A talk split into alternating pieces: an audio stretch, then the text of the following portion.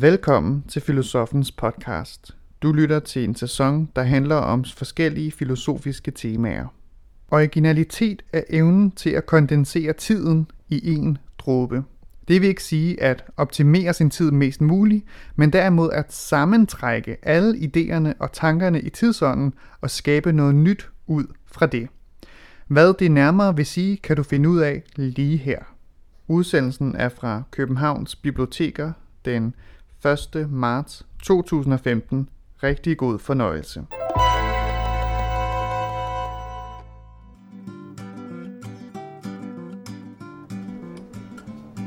Jeg prøver lige at slå op, hvad vi har af Platon.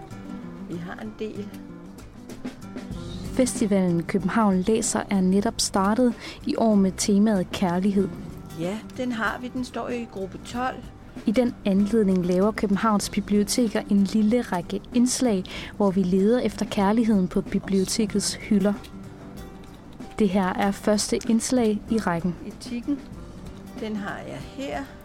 Vi starter på tredje sal på hovedbiblioteket i vidensafdelingen. Og så var der en sidste bog her, som hedder Eros og Agape. Det er noget græsk, så Det jeg finder frem her er værker af gamle græske filosofer, som har skrevet om kærligheden. øh, der er to eksemplarer hjemme.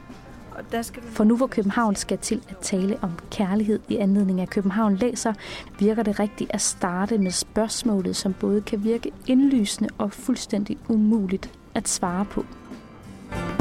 Hvad er kærlighed? Noget af det, som samtidig undrer mig lidt, det er, at vi altid sætter os lighedstegn, eller ikke, i hvert fald ikke stiller spørgsmålstegn ved, øh, at kærlighed, det er det samme som at elske. Det her er filosof Anders Fogh Jensen.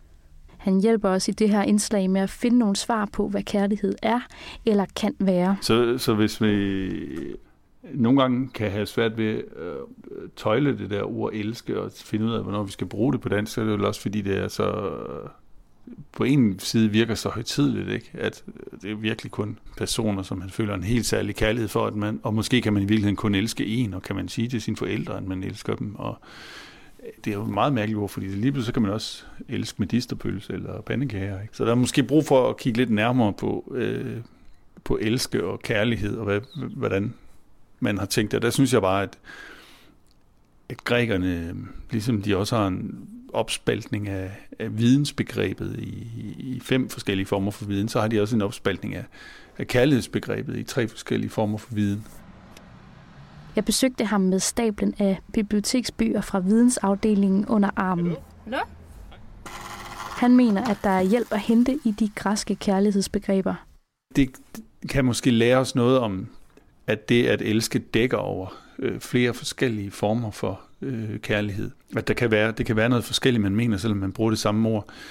Så grækerne, de har øh, tre begreber. De har eros og filia og agape. Hvis vi tager eros først, så øh, det er egentlig en, øh, det er måske for meget sagt, det er en ulykkelig kærlighed, men det er en, det er en tiltrækning efter det, som man ikke har, eller efter det, man øh, mangler.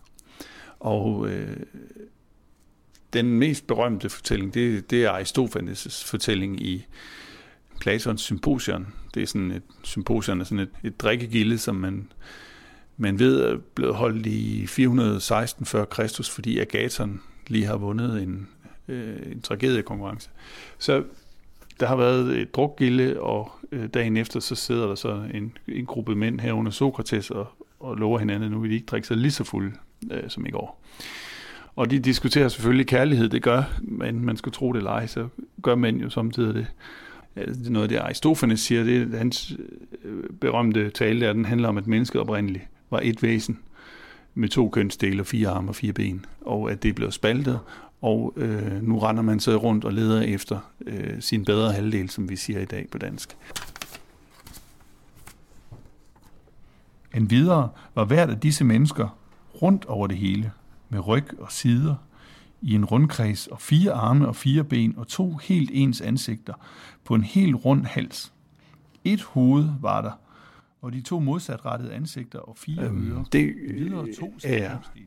et billede, som vi nok, øh, jeg tror, vi rigtig gerne vil tro på det, fordi det også øh, forbinder sig til en anden form for øh, længselen. Vi har nemlig længselen efter at finde hjem. Altså tilværelsen går op på en måde, kan man sige. Hvis, hvis kærlighed det er at finde den, man mangler, eller den, man oprindeligt var, og nu skal blive igen. Men som der også er andre talere herunder Sokrates, der bemærker, så er det jo også en form for ulykke, det her, der er i, i det erotiske, at man, man, man savner, man mangler, man er, man er godt nok tiltrukket af noget, men man, man lister også altid rundt og, og øh, længes.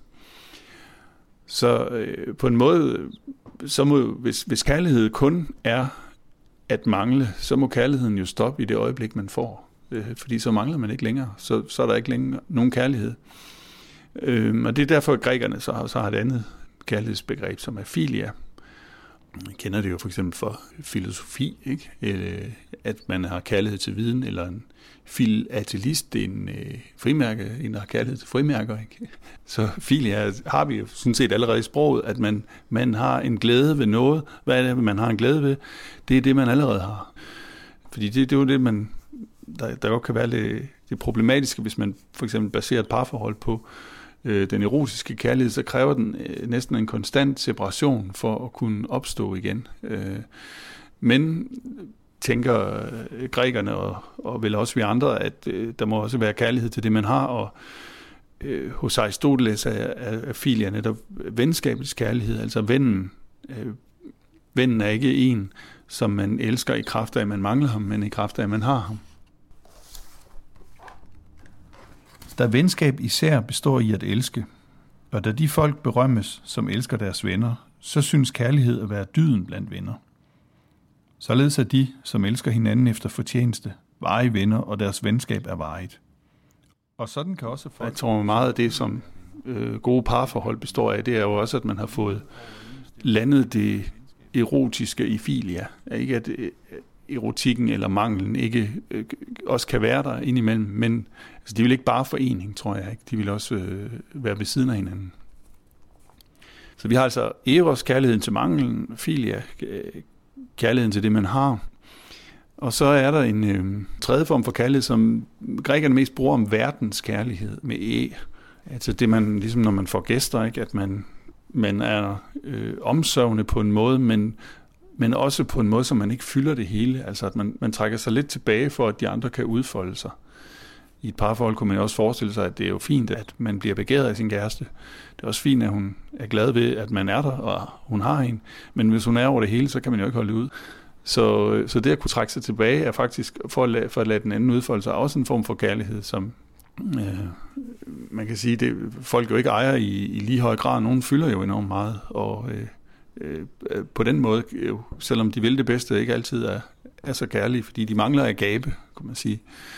Og det er lige præcis noget, som de kristne kan bruge det begreb øh, at tage op, fordi det var, det var det, Gud gjorde. Gud kunne have fyldt det hele, men han gjorde noget andet. Han trak sig tilbage for at skabe jorden, så den også kunne være der. Øh, for næste kærlighed kan være et meget mærkeligt begreb, hvis man skal forstå det i forhold til, øh, skal jeg begære øh, en hver, et hvert andet menneske? Er det det, der menes med næste kærlighed? Eller skal jeg øh, værdsætte øh, skomageren og fængselsbetjenten og socialrådgiveren med filia? Nej, jeg skal, øh, hvad kan man sige, værne om det med den anden med agape. Jeg tror, det er det, der, der menes, fordi ellers så kan næste kærlighed godt blive et ret voldsomt krav at, at stille. Øh, nogle gange kan, forklarer vi også øh, agape som, altså det er måske mere tydeligt, hvis man tænker på forældres forhold til børnene, ikke? at forældrene de kunne jo fylde meget mere, end de gjorde, men det gør de ikke. De trækker sig tilbage for, at børnene øh, kan, kan udfolde sig. Og omvendt er det ikke altid, at, at børnene ejer af gabe. Det er ligesom om, de, de fylder alt lydrum ud. Altså det er lidt ligesom vand, der, der løber hen alle de steder, hvor der er plads eller tavshed, så, så fylder de det ud.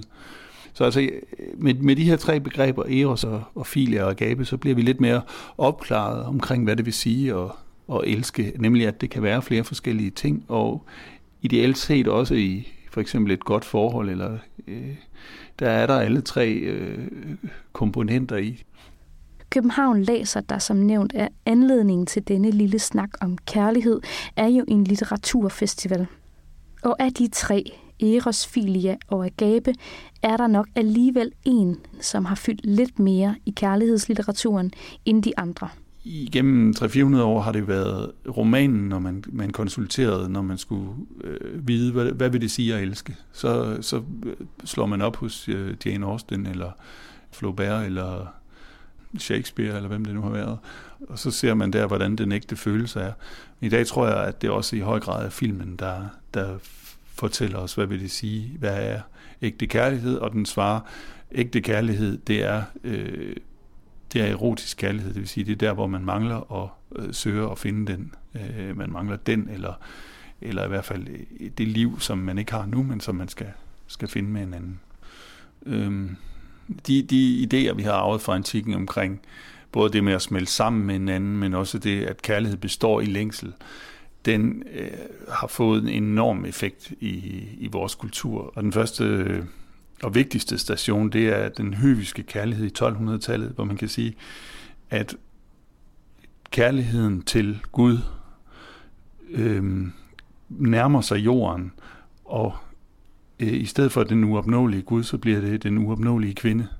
Der bliver det øh, ridderens øh, forhold til sin lensherres hustru. Altså at han, han begærer en fra en anden stand, som han enormt gerne vil have, men som han ikke kan få, øh, og aldrig vil kunne få. Øh, og det, det, I dag kender vi det jo godt, det her med, at man kan, øh, man kan drømme om en på den anden side af jorden, som man aldrig øh, fik, eller kvinder, der bliver forelsket i en, der sidder i fængsel. At, at der, der får vi manglen som, som ultimativ mangel, men som, der i, som hele tiden opretholder kærligheden, og det er den, der bliver indbygget i vores kærlighedsforståelse. Og den bliver på en måde sat der med øh, i slutningen af 1100-tallet, 1180'erne, hvor Tristan og Isolde-myten bliver nedskrevet. Tristan og Isolde handler om, øh, eller i hvert fald øh, dramaet kommer i stand i det, Tristan skal over og hente øh, Isolde øh, hjem til sin morbror, og øh, øh, på vej hjem øh, i, på skibet, der kommer de til at drikke en drik og, og forelsker sig hinanden, og trekantsdrammet, altså to mænd og en kvinde, består jo så i, at, at der er to, der forelsker hinanden, men det er, de, det er de andre to, der skal have hinanden. Øh, altså Isolde skal, kan, hun skal have Marke, øh, Tristans øh, morbror.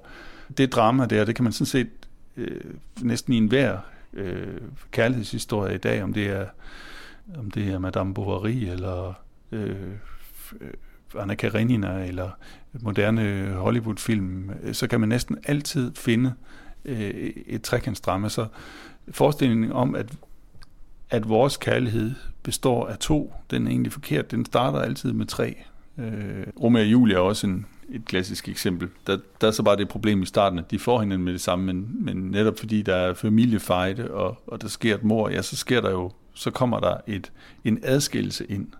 Den adskillelse i Tristan og Isolde bliver den, bliver den symboliseret ved, at Marke på et tidspunkt finder Tristan og Isolde ude i skoven, og de ligger og sover, men de ligger med et svær imellem sig. Øh, så der er altid et eller andet imellem.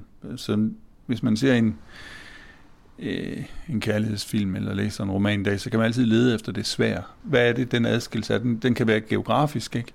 Øhm, at de, de er kommet væk fra hinanden, eller den ene kan være lovet væk til hinanden, men den kan også være aldersmæssig, som i Nabokovs Lolita for eksempel, ikke? At, at der er en, en pige og en mand.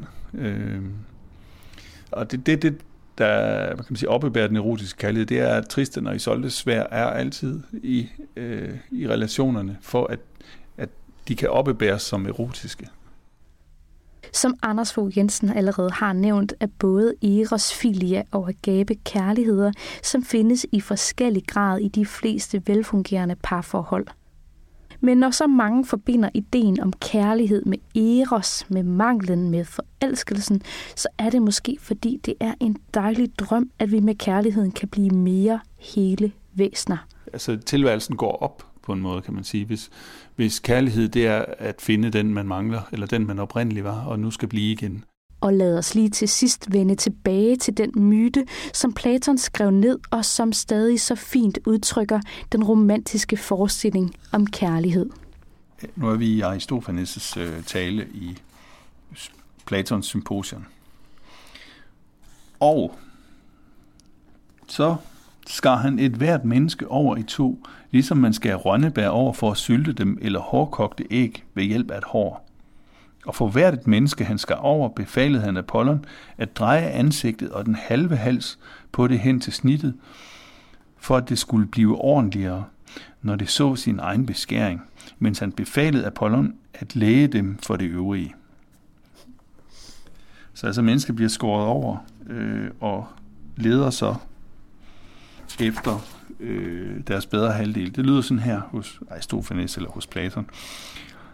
Da denne skabning således var blevet skåret over i to dele, længtes hver halvdel efter den anden og søgte sammen med den, og de slyngede armene om hinanden og tog hinanden i favn, fordi de sådan ønskede at vokse sammen, men døde af sult og også uvirksomhed, fordi de ikke ville gøre noget uden den anden. Det er simpelthen, tror jeg nogle gange, øh, grundkimen til vores drøm om, hvad kærlighed skulle være, at man længes så meget efter den anden, at man slet ikke vil gøre noget uden den anden. Men sådan er velfungerende parforhold jo gudskelov ikke. Og så kan man selvfølgelig sige, hvis, hvis kærlighed skal holdes op imod øh, den her Aristofanes fortælling, så må vi jo sige om velfungerende parforhold, så elsker de nok ikke hinanden nok, for de kan jo godt finde ud af at gå hver for sig ind imellem og lave noget. De dør mm. ikke af sult. Og Nej. Men drømmen om den helt store kærlighed, det er den, hvor man faktisk ikke vil andet end at stige den anden ind i øjnene. Det er ret vildt. Tak til filosof Anders Fogh Jensen, og tak for venlig betjening i afdelingen Viden på Hovedbiblioteket. Du kan læse mere om Eros i for eksempel Platons Symposion, om Filia i Aristoteles Etikken og om den kristne Agape i Anders Nygrens Eros og Agape. Indslaget er produceret af Københavns Biblioteker. Mit navn er Anne Jeppesen. I næste indslag leder vi efter kærligheden i bibliotekets kælder. På genhør.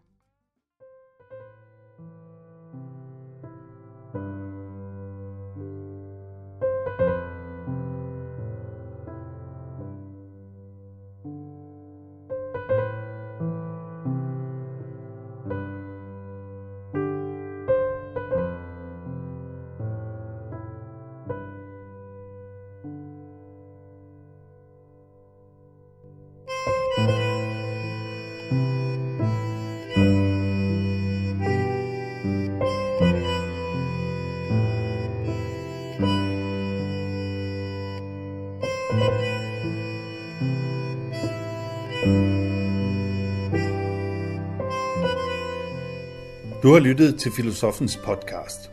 Se mere på min hjemmeside filosofen.dk og tag med mig på dannelsesrejse. Se dannelsesrejser.dk.